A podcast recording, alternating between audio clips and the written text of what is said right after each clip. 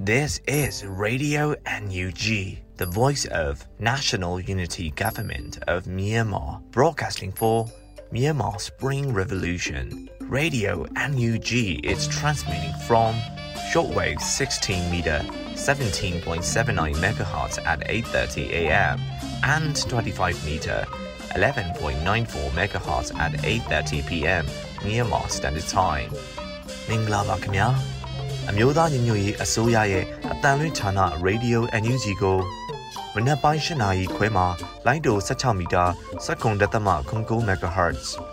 ညပိုင်း၈နာရီခွဲမှာလိုင်းတို25မီတာ17တက်သမ6 MHz တို့မှာဓာတ်ရိုက်ဖမ်းယူနိုင်နိုင်ပါပြီမင်္ဂလာအပေါင်းနဲ့ပြည့်စုံကြပါစေ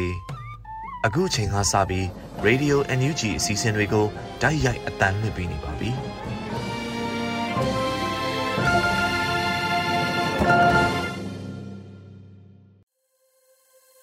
မြန်မာနိုင်ငံသူနိုင်ငံသားအပေါင်းတဘာဝဘေးစစ်အာဏာရှင်ဘေးတို့ကနေကင်းဝေးပြီးကိုစိတ်နှပါဘေးကင်းလုံခြုံကြပါစေလို့ရေဒီယိုအန်ယူဂျီနဲ့အဖွဲ့သားတွေကဆုတောင်းမြတ်တာပို့သလိုက်ရပါတယ်ခင်ဗျာအခုချိန်ကစပြီးကာကွယ်ရေးဝန်ကြီးဌာနရဲ့စီးရေးသတင်းအကျဉ်းချုပ်ကိုတော့ຫນွေဦးမောင်မှတင်ပြပေးသွားမှာပဲဖြစ်ပါတယ်ခင်ဗျာနိုင်စဉ်စီးရေးသတင်းအချင်းချုပ်ကိုတင်ဆက်ပေးပါတော့မယ်။ရန်သူတပ်သားတေဆုံ12ဦးရန်သူတပ်သားဒဏ်ရာရ15ဦး အာနာသိန်းအကြမ်းဖက်စစ်တပ်နဲ့တိုက်ပွဲဖြစ်ပွားမှုသတင်းများကိုတင်ဆက်ပေးပါမယ်။ချင်းပြည်နယ်တွင်မတ်လ9ရက်နေ့ကပလက်ဝမြို့နယ်ဂိတ်ကန်ကျေးရွာနဲ့စကီဟာကျေးရွာအကြားရှိလာကီချောင်းတနေရာတွင်လိုင်လင်းပီမြို့မှမတူပီမြို့နယ်ထေပွေစခန်းသို့အင်အားလာဖြည့်သည့်ရန်သူတပ်နှင့် CNA CDF ပလောဝပူးပေါင်းတပ်တို့ကမနက်10:54မိနစ်ခန့်မှမနက်7:47မိနစ်ခန့်တွင်တစ်ကြိမ်နေ့လယ်12:20ခန့်မှ 12နာရီ40ကြားတွင်တစ်ကြိမ်စုစုပေါင်းတိုက်ပွဲနှစ်ကြိမ်ဖြစ်ပွားခဲ့ပြီးရန်သူဘက်မှ10ဦးသေဆုံးက15ဦးပြင်းထန်စွာဒဏ်ရာရရှိခဲ့သည်။ ကရင်နီကရားပြည်နယ်တွင်မတ်လ9ရက်နေ့မနက်6နာရီခန့်တွင် ထိုင်းကရင်နီနယ်စပ်အနီးနယ်စပ်တပ်စခန်းသို့ရိတ်ခါပို့ဆောင်ရေးနှင့်လမ်းလုံခြုံရေးတာဝန်ယူရသည့်ကျိုင်းကန်းအခြေဆိုင်ခမာယ910တပ်နှင့်ကရင်နီတပ်မတော် KA တို့ဒေါ်တခဲစစ်ဒေသတွင်တိုက်ပွဲဖြစ်ပွားခဲ့ရာရန်သူဘက်မှ2ဦးသေဆုံးပြီးဒဏ်ရာရရှိသူအချို့ရှိကြောင်းသိရသည်။ ပဲခူးတိုင်းတွင်မတ်လ10ရက်နေ့မနက်9:30ခန့်တွင်ကဝါမြို့နယ်တရက်ကုန်းကြီးရွာမှပြူစောတိကောင်းဆောင်တင်မြင့်တရက်ကုန်းဈေးထဲ၌စက်ကြီးကောက်ယူနေစဉ်ကဝါမြို့နယ်ပခပကနန်းထိုင်အောင်စစ်စင်ရေးအဖြစ်တနက်ဖြစ်ပစ်ခတ်ခဲ့ရာနေရာတွင်ပွဲချင်းပြီးတေဆုံးသွားခဲ့ပြီးဒေါ်လာရေးတပ်ဖွဲ့ဝင်များမှအထိခိုက်မရှိအောင်မြင်စွာဆုတ်ခွာနိုင်ခဲ့ကြောင်းသိရသည်ဆက်လက်ပြီးအာနာသိန်းအကြမ်းဖက်စစ်တပ်ကျူးလွန်သောရာဇဝတ်မှုများကိုတင်ဆက်ပေးပါမယ် စကိုင်းတိုင်းတွင်မတ်လ9ရက်နေ့ညပိုင်းချိန်တွင်မြောင်မြို့နယ်ရွှေပေါက်ပင်ကျေးရွာရေးလဲကျွန်းတောင်အဆက်တွင်မတ်လ9ရက်နေ့ကရန်သူတပ်သားများဖမ်းဆီးလာသောမြင်းမူမြို့နယ်လက်ကပင်ကျေးရွာနှင့်ကိုစိုးထိုက်ဗဦးဝင်းထေအသက်32၏ရုပ်အလောင်းကိုတွေ့ရှိခဲ့ရပြီးစစ်ဆေးကြည့်ရာရန်သူတပ်သားများ၏လက်ချက်ဖြင့်နန်ကြားဓားဖြင့်ထိုးသွင်းဒဏ်ရာတစ်ချက်လဲပင်လိခံရသောဒဏ်ရာတစ်ချက်တွေ့ရှိခဲ့ရသည် မန္တလေးတိုင်းတွင်မတ်လ9ရက်နေ့ည7:00နာရီခန့်တွင်မြင်းချံမြို့နယ်မြင်းချံမြို့ရှိနာရီစင်အနီးတွင်တချင်းဆိုကခုံ၍သွာလာနေသည့်စိတ်ကျမ်းမာရေးမကောင်းသူနှုတ်ကိုအထက်ကတစ်ကျောင်းရှိတွင်ကင်းပုံးဝင်နေသောရန်သူတပ်များကပြစ်ခတ်ခဲ့သောကြောင့်စိတ်ကျမ်းမာရေးမကောင်းသည့်အသက်36နှစ်ခန့်ရှိအမျိုးသားတဦးသေဆုံးခဲ့ပြီးတခြားစိတ်ကျမ်းမာရေးမကောင်းသူအမျိုးသားတဦးမှလည်းဖမ်းဆီးခံရကရန်သူတပ်များ၏တနက်တင်ဖြင့်ဦးခေါင်းကိုထုနှက်ရိုက်ခတ်ခြင်းခံရသဖြင့်ဆေးရုံသို့ပို့ဆောင်ခဲ့ရပြီးဆေးရုံတင်ထားစဉ်ထွက်ပြေးလွတ်မြောက်သွားခဲ့သည် ရန်ကုန်တိုင်းတွင်မတ်လ9ရက်နေ့တွင်စမ်းချောင်းမြို့နယ်ဗဟိုလန်းအိမ်မက်190မြင်းဆောင်9လွှာတွင်တိုက်ခန်းအတွင်ရုတ်တရက်တိတ်ဆုံးခဲ့သည့်ဦးဖုံးကျော်သူ၏တိုက်ခန်းကိုရန်သူတပ်၏ဗျူဟာမူမြို့နယ်အုပ်ချုပ်ရေးမှူးပါဝင်တဲ့ရက်ကွက်အုပ်ချုပ်ရေးမှူးကျော်သူရိန်တို့ကတင်စီရောင်းစားခဲ့သည်တိတ်ဆုံးသူသည်မိသားစုဝင်နေပါပြီးဇနီးတယ်မှာရွာသားကြီးစိတ်ကျမ်းမာရေးစေယုံတွင်စိတ်ကူးတာမှုခံယူနေရသူတဦးဖြစ်သည် ဦးဖုံးကျော်သူတိတ်ဆုံးပြီးချိန်တွင်ရန်သူတရင်ပေဆူဆူကအိမ်တော့ကိုသိမ်းယူထားခဲ့ရမှကျော်သူရိန်ကတောင်းယူသွားခဲ့သည်ထို့အပြင်ဥဖုံးကျော်သူ၏နေအိမ်တိုက်ခန်းအတွင်းရှိစာချုပ်စာတမ်းများကိုလည်းယူဆောင်သွားပြီး350ဖြည့်ရောင်းချခဲ့ရာရက်ကွက်အုပ်ချုပ်ရေးမှူးကျော်သူရိန်မြို့နယ်အုပ်ချုပ်ရေးမှူးပါဝင်ဗျူဟာမှုနဲ့စမ်းကြောင်းရဲစခန်းတို့ကခွဲဝေယူခဲ့ပြီးအဝေးမတက်သဖြင့်ဖြစ်စဉ်ပေါ်ပေါက်ခဲ့ရကတိတ်ဆုံးရသည့်အကြောင်းရင်းကိုမူမသိရသေးကြောင်းသိရသည် ယခုတက်ဆက်ပေးခဲ့တာကတော့ကာကွယ်ရေးဝန်ကြီးဌာနအမျိုးသားညီညွတ်ရေးအစိုးရမှထုတ်ဝေသောနိုင်စဉ်စီရေးတဲ့အချင်းချုပ်ပဲဖြစ်ပါတယ်ကျွန်တော်ကတော့ຫນွေဦးမှာပါခင်ဗျာ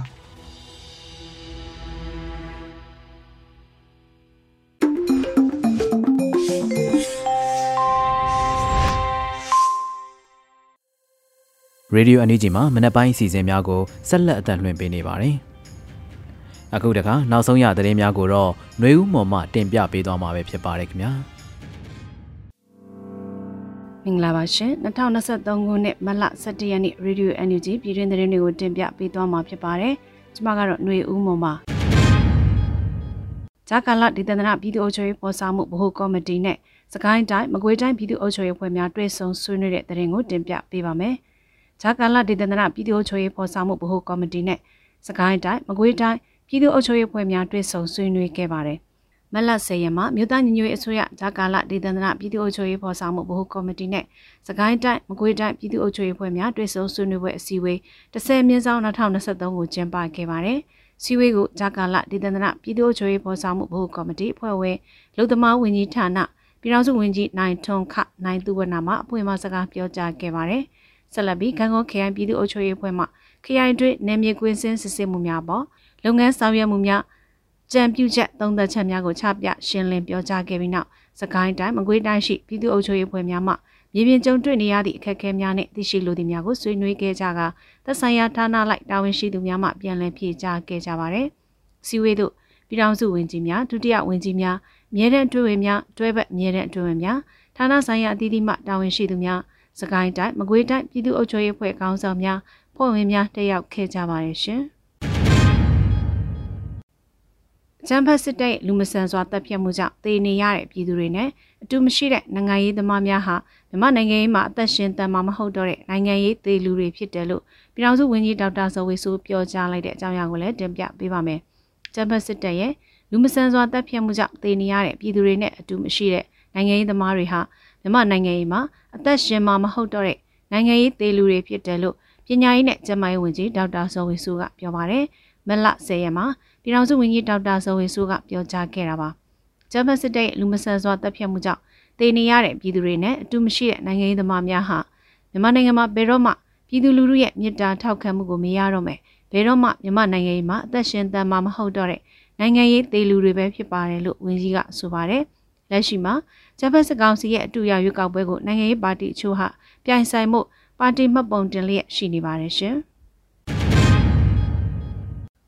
ပကဖနဲ့ PDF တွေကိုတတိတခြားလိုမြောက်စစ်ကောင်စီ lobby တွေကရေးနေတာတွေ့တယ်လို့ပြည်ထောင်စုဝန်ကြီးဒေါက်တာတူကောင်ပြောကြားတဲ့အကြောင်းအရာကိုလည်းတင်ပြပေးပါမယ်။ပကဖနဲ့ PDF တွေကိုတတိတခြားလိုမြေအောင်စစ်ကောင်စီ lobby တွေကရေးနေတာတွေ့ရှိရတယ်လို့ပြည်ထောင်စုဝန်ကြီးဒေါက်တာတူကောင်ကဆိုပါတယ်။မလ10ရက်မှာပြည်ထောင်စုဝန်ကြီးကသုံးသပ်ဆိုထားပါတယ်။စစ်ကောင်စီ lobby တွေဟာဗျူဟာခင်းတာတော်တော်ခီးပေါက်နေပြီ။လိုင်းမကောင်းအလုံးမအားတဲ့ကြားက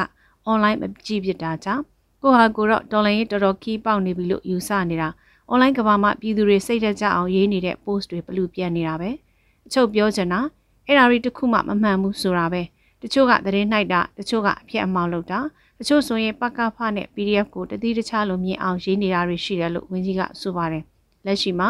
တော်လိုင်းရာစုတချို့နဲ့တော်လိုင်းရဲဘော်တချို့ကလည်း NUG ကိုဝေဖန်ထောက်ပြပြောဆိုရေးသားထားတာတွေလည်းရှိနေပါတယ်ရှင် စစ်ကောင်စီရဲ့တက္ကသိုလ်ဝန်ထမ်းဝင်မဖြစ်တဲ့တိမ့်နဲ့ချီတဲ့သူတွေရဲ့ဆွန့်လွတ်စွန့်စားမှုကိုအလေးမြတ်ပြုတယ်လို့ပြောဆိုတဲ့အကြောင်းအရာကိုလည်းတင်ပြပေးပါမယ်စစ်ကောင်စီရဲ့တက္ကသိုလ်ဝန်ထမ်းဝင်မဖြစ်တဲ့တိမ့်နဲ့ချီတဲ့သူတွေရဲ့ဆွန့်လွတ်စွန့်စားမှုကိုအလေးမြတ်ပြုတယ်လို့ဒုဝန်ကြီးဦးမော်ထွန်းအောင်ကဆိုပါတယ်မလ10ရက်နေ့မှာဒုဝန်ကြီးဦးမော်ထွန်းအောင်ကဆိုထားတာပါတိတ်နဲ့ချီတဲ့သူတွေရဲ့ဆွန့်လွတ်စွန့်စားမှုကိုအလေးအမြတ်ပြုပါတယ်။ပညာရတနာစစ်စစ်ကိုဘဝတစ်လျှောက်လုံးဝင်မပေးပဲဝါသနာပါရအသက်မွေးကြောင်းနဲ့ ပြန်လည်စည်းစစ်သင်ကြားခြင်းကိုအားပေးတဲ့ပညာရေးစနစ်တည်းရဲ့ပေါ်ပေါက်လာဖို့မျှော်လင့်ရင်ဝိုင်းကြိုးစားကြရအောင်လို့ဆိုပါတယ်။ဒီခုနှစ်စစ်ကောင်စီရဲ့တက်သူဝင်တဲ့ဆောင်ရွက်ပွဲကိုဝင်ရောက်ဖြည့်ဆို့ခြင်းမပြုတဲ့အကြောင်းသားအကြောင်းသူတိတ်နဲ့ချီရှိပါတယ်ရှင်။ထိုင်းနိုင်ငံမဟာချိုင်နယ်မြေတွင်မြန်မာလူသား66ဦးနဲ့အင်ရှင်အားအဲဇင်းဥပဒေဖြင့်ဖမ်းဆီးတရားစွဲခံရတဲ့တဲ့ရင်ကိုဆက်လက်တင်ပြပေးပါမယ်။ ထိုင်းနိုင်ငံမဟာချိုင်နယ်မြေမှာမြန်မာလူသား66ဦးနဲ့အင်ရှင်ကိုအဲဇင်းဥပဒေနဲ့ဖမ်းဆီးတရားစွဲခံရပါတယ်။မလ10ရက်မှာ AAC ကိုရဲမင်းကအသိပေးဖော်ပြထားပါတယ်။ထိုင်းနိုင်ငံမှာမြန်မာအများဆုံးနေထိုင်ရမဟာချိုင်နယ်မြေမှာ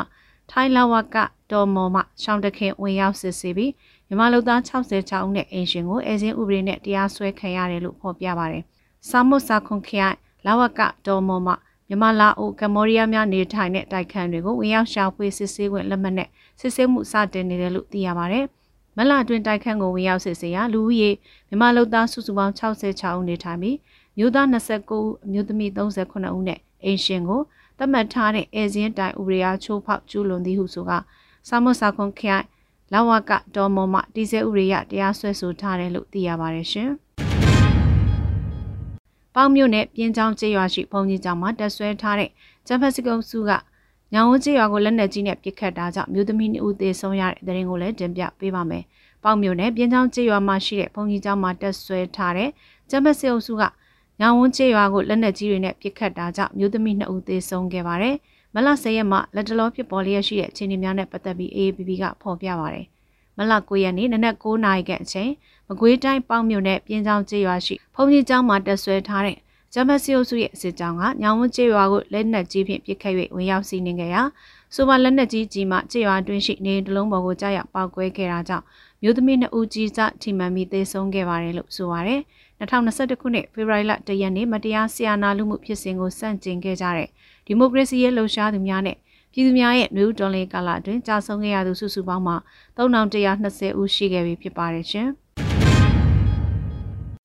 မြင်းကြံမြို့နိုင်စီအနီးမှာစိတ်ကျမ်းမာရေးမကောင်းသူနှစ်ဦးကိုစစ်ကောင်စီတပ်ကပြစ်ခတ်ရာတဦးသေးဆုံးတဲ့တဲ့ရင်ကိုလည်းတင်ပြပေးပါမယ်။မြင်းကြံမြို့နိုင်စီအနီးမှာစိတ်ကျမ်းမာရေးမကောင်းသူနှစ်ဦးကိုစစ်ကောင်စီတပ်ကပြစ်ခတ်တာကြောင့်တဦးသေးဆုံးခဲ့တယ်လို့သိရပါဗျ။မလ10ရက်နေ့မှာမြင်းကြံလူလူလှုပ်ရှားမှုကော်မတီကအသိပေးဆိုထားပါတယ်။ဂျမန်နေ့ည7:00နာရီခန့်ကမြင်းကြံမြို့နိုင်စီအနီးမှာစိတ်ကျမ်းမာရေးမကောင်းသူနှစ်ဦးကိုစစ်ကောင်စီတပ်များမှပြစ်ခတ်ခဲ့တာကြောင့်တဦးသေးဆုံးခဲ့ပြီးတဦးထိခိုက်ခဲ့တယ်လို့သိရပါတယ်။ သေဆုံးသူဟာဆန္ဒတော်ပြည့်ဘုရားရှင်မှာတချင်းဆိုကနေလေးရှိတဲ့စိတ်ကျမ်းမာရေးမကောင်းသူလို့သိရပါတယ်ရှင်။တယာရီခရိုင်အုပ်ပုံမြို့နယ်ထမင်ကုန်းကျေးရွာရှိရာအိမ်မှုပြူစောတိနေ၌တက်ဆွဲထားသောကျမတ်စစ်ကောင်စီတပ်ဖွဲ့ဝင်များပြစ်ခတ်ခံရတဲ့တဲ့ရင်ကိုလည်းတင်ပြပေးကြပါမယ်။တယာရီခရိုင်အုပ်ပုံမြို့နယ်ထမင်ကုန်းကျေးရွာရှိရာအိမ်မှုပြူစောတိနေအိမ်၌တက်ဆွဲထားသောကျမတ်စစ်ကောင်စီတပ်ဖွဲ့ဝင်များပြစ်ခတ်ခံရပါတယ်။မလ10ရက် ပဲခူးတိုင်းစစ်ဒေသခွဲပဲခူး PDF ကအသိပေးဖော်ပြပါတယ်။ပဲခူးတိုင်းတာယာရီခရိုင်အုပ်ပုံမြို့နယ်ထပ်မင်းကုန်းကျေးရွာရှိရိုင်းမှုပြူစောတိမျိုးဝင်းနေအိမ်၌တက်ဆွဲထားသောဂျပန်စကောင်စီတပ်ဖွဲ့ဝင်များအားမလ9ရက်နေ့နနက်2:15မိနစ်အချိန်တွင်တာယာရီခရိုင် PDF တရင်3839နှစ်တက်ခွဲလေးနဲ့တက်ခွဲ9တို့ပူပေါင်းပြီးတွားရောက်ပစ်ခတ်တိုက်ခိုက်ခဲ့တယ်လို့ဆိုပါတယ်။အဲ့လိုပြစ်ခတ်ရမှာပြန်လည်ပြစ်ခတ်မှုဖြစ်ပွားခဲ့ပြီးဂျပန်စစ်ကောင်စီဘက်မှထိခိုက်သေးဆုံးမှုကိုဆက်လက်အတည်ပြုစုံစမ်းလျက်ရှိပါတယ်။ ယာယီမှုပြူစောတိမျိုးဝင်ဟာ၎င်းမိသားစုများအားခမရ6ထံသို့ပြောင်းရွှေ့နေထိုင်လျက်ရှိပြီး၎င်း၏နေအိမ်ကိုဂျမ်ဖက်စစ်ကောင်စီတပ်ဖွဲ့ဝင်များကိုကင်းစခန်းဖြင့်အသုံးပြုခွင့်ပေးထားခြင်းဖြစ်တယ်လို့သိရပါတယ်ရှင်။ဆီယနာရှင်စန့်ကျင်ရဲ့လောင်လုံးမြို့ပေါ်တွင်ဒဝဲခရိုင်ဒီမိုကရေစီရေးလှုပ်ရှားမှုတပိတ်ကော်မတီကလှုပ်ရှားခဲ့ပါတယ်။မလ10ရက်နေ့နေ့လယ်တွင်ဒဝဲခရိုင်လောင်လုံးမြို့ပေါ်တွင်ဒဝဲခရိုင်ဒီမိုကရေစီရေးလှုပ်ရှားမှုတပိတ်ကော်မတီ DDMSC မှဦးဆောင်ပြီးဆီယနာရှင်စန့်ကျင်ရေးလှုပ်ရှားမှုပြုလုပ်ခဲ့ပါတယ်။ ဆိုပါလှုပ်ရှားမှုကိုအာနာသိကျန်းဖက်စစ်ကောင်စီမှအဓမ္မပြုလုပ်မဲ့တူရရွေးကောက်ပွဲကိုစန့်ကျင်တပိန်မောက်သည့်အနေဖြင့်စစ်ကြုံဘောကလူမြောက်ဖို့ဖက်စစ်ရွေးကောက်ပွဲကိုတိုက်ဖြတ်ဖို့ဗန်နာကိုင်းဆွဲပြီးချီတက်ခဲ့ကြပါတယ်။လှုပ်ရှားမှုပြုလုပ်ပြီးမိနစ်ပိုင်းတွင်စစ်ကောင်စီတပ်ဖွဲ့ဝင်အင်အား20ခန့်ထွက်လာပြီးကား5စီးစိုက်ကဲ9စီးဖြင့်လမ်းသွားလမ်းလာများအားပိတ်ဆို့စစ်ဆေးခဲ့ကြောင်းသိရပါတယ်ရှင်။ခုတင်ပြခဲ့တဲ့သတင်းတွေကို Radio NUG သတင်းတောက်မင်းတီဟန်ကပေးပို့ထားတာဖြစ်ပါတယ်ရှင်။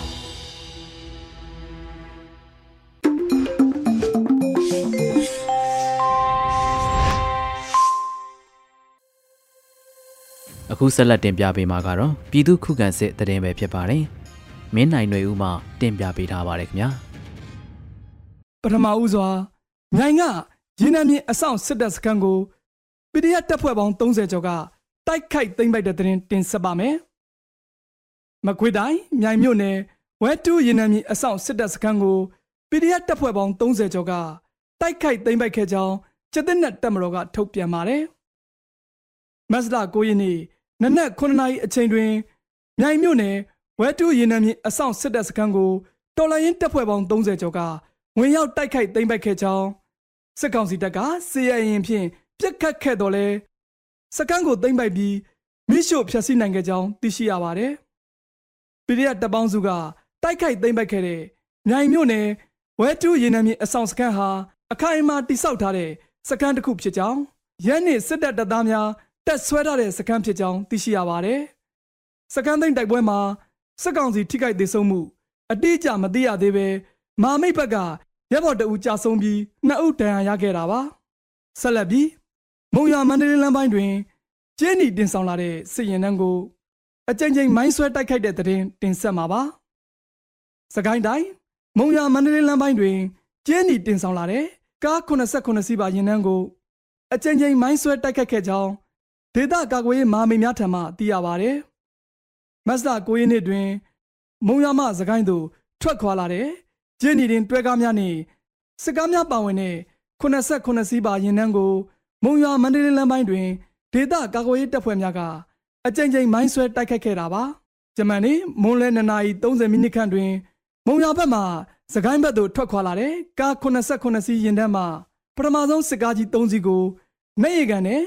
ရေဘိုးစားအကြတွင်ပရိသာမိုင်းလေးလုံးဖြင့်တိုက်ခတ်ခဲ့ပြီးကား3စီးထိမှန်ကထိခိုက်ဒေဆုံးမှုများပြားနိုင်ကြောင်းမွန်းလဲ3နာရီ35မိနစ်ခန့်တွင် အဆိုပါရင်နှင့်ဤနောက်ဆုံးစစ်ကားကြီး10စီးအားဘုံမကြီးကင်းတစ်တော်နှင့်ဘုံမကြီးကင်းကျေးရွာကြားတွင်ပရိသာမိုင်းနှလုံးတစ်ဖက်ပွင့်ပြောင်းသုံးလုံးတို့ဖြင့်ဖောက်ခွဲတိုက်ခတ်ခဲ့ပြီးကိုးစီးမြောက်ကားကိုထိမှန်ကထိခိုက်ဒေဆုံးမှုရှိနိုင်ကြောင်းသိရပါဗျ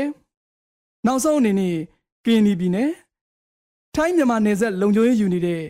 ခမရ910စစ်ကြောင်းကိုကြားပြတ်တိုက်ခိုက်တဲ့တဲ့တင်တင်ဆက်ပါမယ်။ကင်းနီပြည်နယ်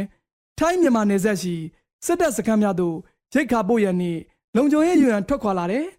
ခမရ910စစ်ကြောင်းကို KNY တပ်ဖွဲ့များက၃ကြိမ်တိုက်ခတ်ခဲ့ရာစစ်သား၈ဦးသေဆုံးကြောင်း KNY စစ်ဘက်ဆိုင်ရာဗဟိုသတင်းထုတ်ပြန်အဖွဲ့ကထုတ်ပြန်ပါတယ်။ရှမ်းပြည်နယ်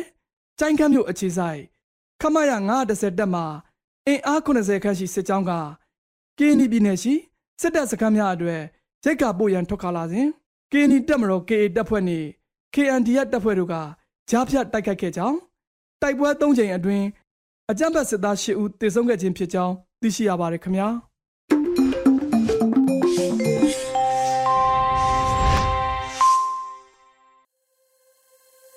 ရေဒီယိုအန်ဂျီမှဆက်လက်အသံလွှင့်ပေးနေပါတယ်။ အခုတင်ဆက်ပေးမှာကတော့နေ့စဉ်သတင်းများဖြစ်ပြီးရိမ့်မှတင်ပြပေးထားတာဖြစ်ပါတယ်ခင်ဗျာ။အခုချိန်ကစပြီး PPTV သတင်းတွေကိုတင်ဆက်ပေးပါရမယ်။ကျွန်မရိမ့်ပါ။ ပထမဆုံးတင်ဆက်မှာကကြားကာလတေသနာပြည်သူ့အုပ်ချုပ်ရေးဖော်ဆောင်မှုဗဟိုကော်မတီအစည်းအဝေးပြုလုပ်တဲ့သတင်းမှာအမျိုးသားညွရေးအစိုးရကြားကာလတေသနာပြည်သူ့အုပ်ချုပ်ရေးဖော်ဆောင်မှုဗဟိုကော်မတီအစည်းအဝေးအမှတ်စဉ်30မြင်းဆောင်2023ကိုမတ်လ9ရက်မနက်10:00နာရီမှာပြုလုပ်ခဲ့ပါတယ်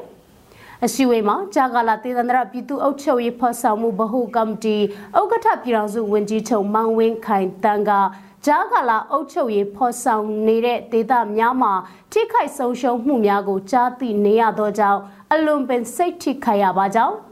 ဖြစ်စဉ်ဖြစ်ရတိုင်းအပေါ်မှာပြန်လည်သုံးသပ်ပြီးလိုအပ်ချက်နဲ့အားနည်းချက်တွေကိုအကောင်းဆုံးဖြည့်ဆည်းပေးကြရန်သက်ဆိုင်ရာတာဝန်ရှိသူတွေကိုတိုက်တွန်းပြောကြားလိုကြောင်းစစ်အာဏာရှင်တွေကိုတွန်းလှန်ရေးနိုင်ငံရေးစနစ်တစ်ခုကိုဖော်ဆောင်ရမှာ ကြီးမားတဲ့ပေးဆက်မှုတွေရှိလာနိုင်တာကိုလက်ခံထားတော့လေယခုလိုမျိုးအဖိုးတန်လှတဲ့စတေးပေးဆက်မှုများကိုလက်ခံနိုင်ရန်ခဲရင်လှပါကြောင်းနောက်ဆက်တွဲအကျိုးဆက်ကိုစိတ်ရာဇဝတ်ကောင်တွေအသေးအချာတာဝန်ယူကြရမှာဖြစ်ပါကြောင်းတဆက်ထဲမှာပဲနိုင်ငံရေးစိတ်ရေးတန်တမာရေးစတဲ့ဗတ်ပေါင်းစုံကလိုအပ်တဲ့တုံ့ပြန်မှုတွေကိုဆက်လက်ဆောင်ရွက်ကြရန်အထူးအလေးထားမှာကြားလိုကြောင်းပြောကြားခဲ့ပါတယ်။ ဆက်လက်ပြီးတက်ရောက်လာကြတဲ့ဂျားကာလာဒေသန္တရပြည်သူ့အုပ်ချုပ်ရေးဖော်ဆောင်မှုဗဟိုကော်မတီအဖွဲ့ဝင်များကကိုမြင့်ဆောင်2023မှာချမှတ်ထားတဲ့ဆုံးဖြတ်ချက်ရှေ့လုပ်ငန်းစဉ်များနဲ့ပတ်သက်ပြီးပြည်စည်းမှုအခြေအနေများနဲ့ဆက်လက်ဆောင်ရွက်ရန်ကြံရှိနေတဲ့လုပ်ငန်းစဉ်များကိုချပြရှင်းလင်းပြီးတက်ရောက်လာတဲ့တာဝန်ရှိသူများကအကြံတဝန်ဆွေးနွေးခဲ့ကြပါတယ် အဆိုပါအစည်းအဝေးသို့ပြည်ထောင်စုဝန်ကြီးချုပ်မောင်ဝင်းခိုင်တန်းဦးဆောင်ကပြည်ထောင်စုဝန်ကြီးများဒုတိယပြည်ထောင်စုဝန်ကြီးများအမြဲတမ်းအတွင်းဝင်များဌာနဆိုင်ရာများမှတာဝန်ရှိသူများတက်ရောက်ခဲ့ကြတယ်လို့ပြည်ထောင်စုနဲ့လူအမှုကြီးကြပ်ရေးဝန်ကြီးဌာနကသတင်းထုတ်ပြန်ပါတယ်။ ဆက်လက်တင်ဆက်ပေးမှာကပလဲဝါမှာ CNA CTF ပလဲဝါနဲ့အကြမ်းဖက်စစ်တပ်တို့တိုက်ပွဲထပ်မံဖြစ်ပွားပြီးအကြမ်းဖက်စစ်သား၈ဦးထပ်မံသေဆုံးတဲ့တဲ့မှာ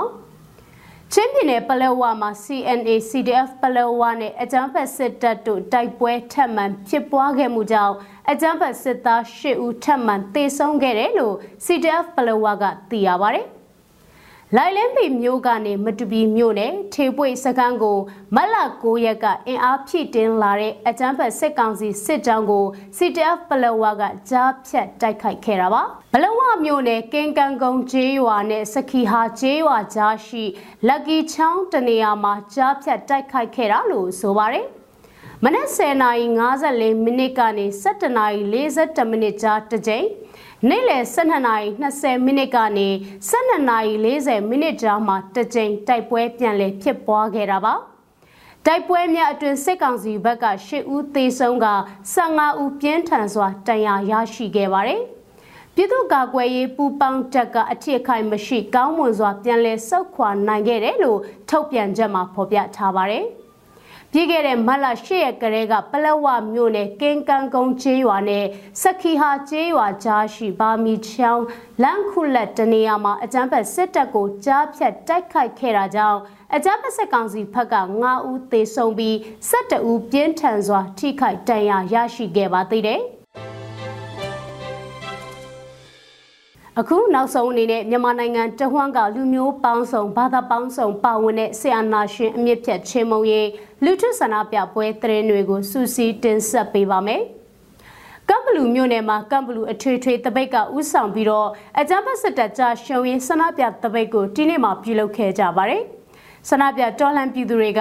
စစ်အာဏာရှင်စနစ်ကြဆုံးသည့်အထိတိုက်မဲ့ကမ်ဘလူအထွေထွေတပိတ်စာသားကိုကင်ဆွဲပြီးအကြမ်းဖက်စစ်တပ်ကြားရှုံရည်ဟစ်ကြွေးမှုတွေနဲ့ချီတက်ဆန္ဒပြခဲ့ကြတာပါ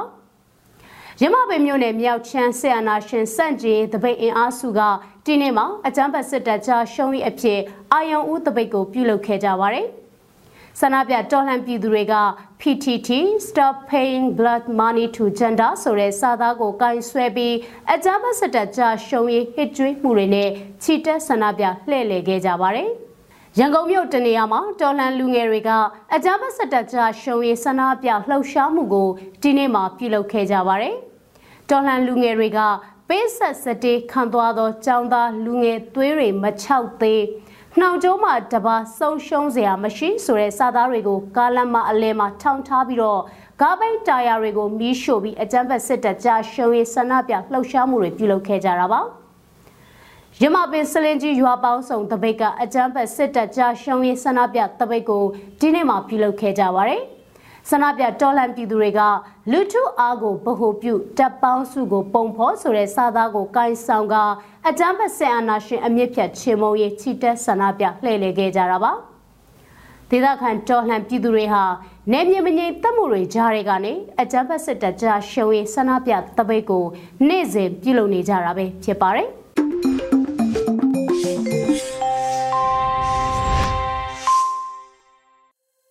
ဆက်လက်တင်ဆက်ပေးမှာကတော့တိုင်းရင်းသားဘာသာစကားအစီအစဉ်ပဲဖြစ်ပါတယ်။ဒီအစီအစဉ်မှာတော့ချိုးချင်းဘာသာထုတ်လုပ်မှုအဖွဲ့ရဲ့ချိုးချင်းဒိုင်ဘာသာစကားခွဲထုတ်လွှင့်မှုအစီအစဉ်ကိုနားဆင်ကြရမှာဖြစ်ပါတယ်ခင်ဗျာ။ဒီအစီအစဉ်ကိုတော့ချိုးချင်းဘာသာထုတ်လွှင့်မှုအဖွဲ့နဲ့ Radio NUG တို့ပူးပေါင်းထုတ်လွှင့်တာပဲဖြစ်ပါတယ်။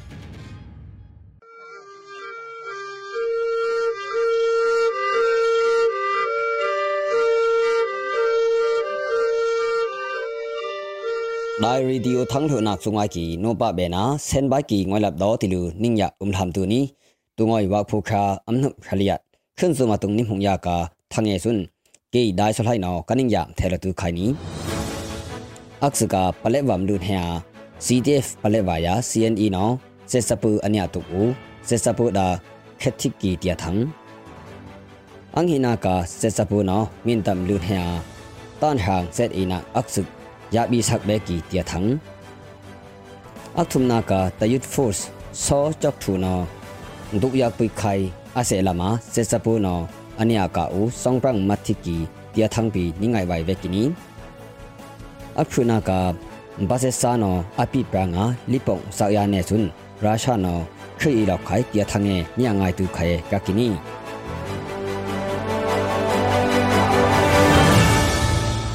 ပလက်ဝမ်လူညာ CTF ပလက်ဝ CND ဒွန်လူဆက်စပူအနိယတူဆက်စပူဒါခက်တီလူခလိမ်ဟာလက်ပီတီလူ CTF ပလက်ဝနော်ဒုခာအကောမ်ဟဘုံသံအနိပရာလောဟူနီပလက်ဝန်ဟဲကင်ကန်ကုံနမ်ယာစခီဟာနမန်လက်လာကီလောင်ပီယာဒုနာဝေကီယာကကီဆက်စပူဆုနော်လိုင်လင်းပီယုံကနော်ဘတုန်ဟဲထေပွိစခန္ဒာသာယမ်စပ်ခိုင် sikia ka kini ngoilam khopra nga ahun nang sunga ahun angdona nghiwi tuknak vekini kine da aklem ku vekia hunda kaning nong bekie tilu CDF palewano thang akpra huaga kini CDF palewa hin khokum thong hi kunung guyamat phekha guya khet no bung pu ani tunia kaki chun ko na CDF palewa hin CGTC yung pukwa nga pi thot kini tua kum tan hang set inak sun min tam lu api bikia kaki se sapu no ana aya hui lo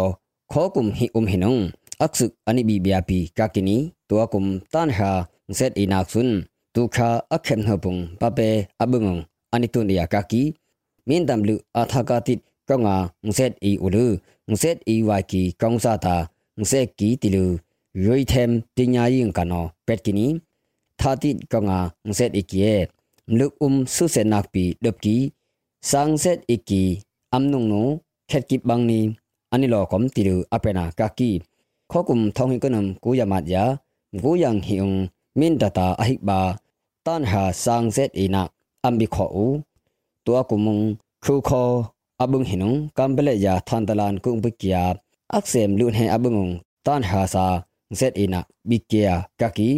အဟိဘာတန်ဟာစန်းစက်အီနာအမ်ဘီခေါအူတွာကုမုံခူခေါအဘုံဟိနုံကမ်ဘလေယာသန်တလန်ကုံဘကီယာအခဆမ်လူန်ဟေအဘုံတန်ဟာစာဇက်အီနာဘီကီယာကာကီ se sapua tan ha sangset ina bina kung tingat kunung to khukhlei loki tilu anipena kakini makui kho somlun heng tungna ka tu ya ku khaisi ki songprang mathiki tilu tayut force so chok thu no tu kha akhum hapung thang anik praw lo huni ani se lama se sapu no ya khamlu ya ka bolu apu ye aphu ya ka pet ki ye po sim chu lo no ယုတ်တိုင်မကီယာအဆက်အပဲ့နီတီလူ ထငုံအနုအိုဟွာကကီနီယေဘောစင်ဖြူလွန်ဟင်အဆက်ငကူလော်ကီစေစပူနောအာနာအယဟူအီကောနာကန်ဂိုဒီစထရစ်အမဟန်ဟလိကထုမုံအခဆု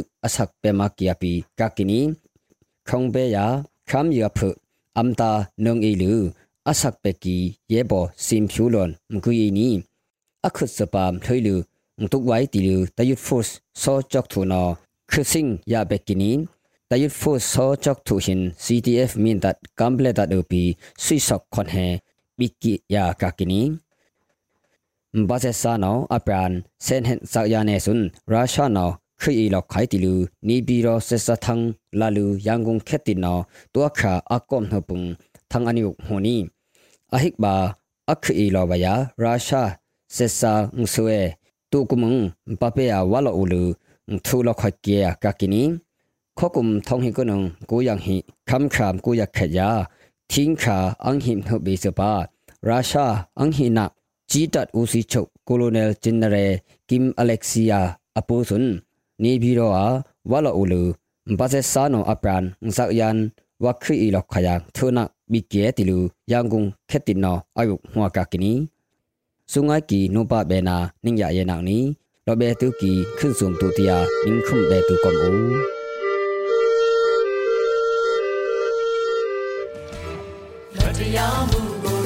စัจကျင်သောရေဥပံများပွင့်လန်းသည်ပြည်သူအာဏာပြည်သူများတရားရှိဖို့လိုအပ်သည်ပြည်သူနဲ့ပြည်သူကြားကပေါင်းကူတရားစင်ဖြစ်ဖို့ရည်ပြည်သူစီခေါ်အပ်ပေကူလီ Radio NG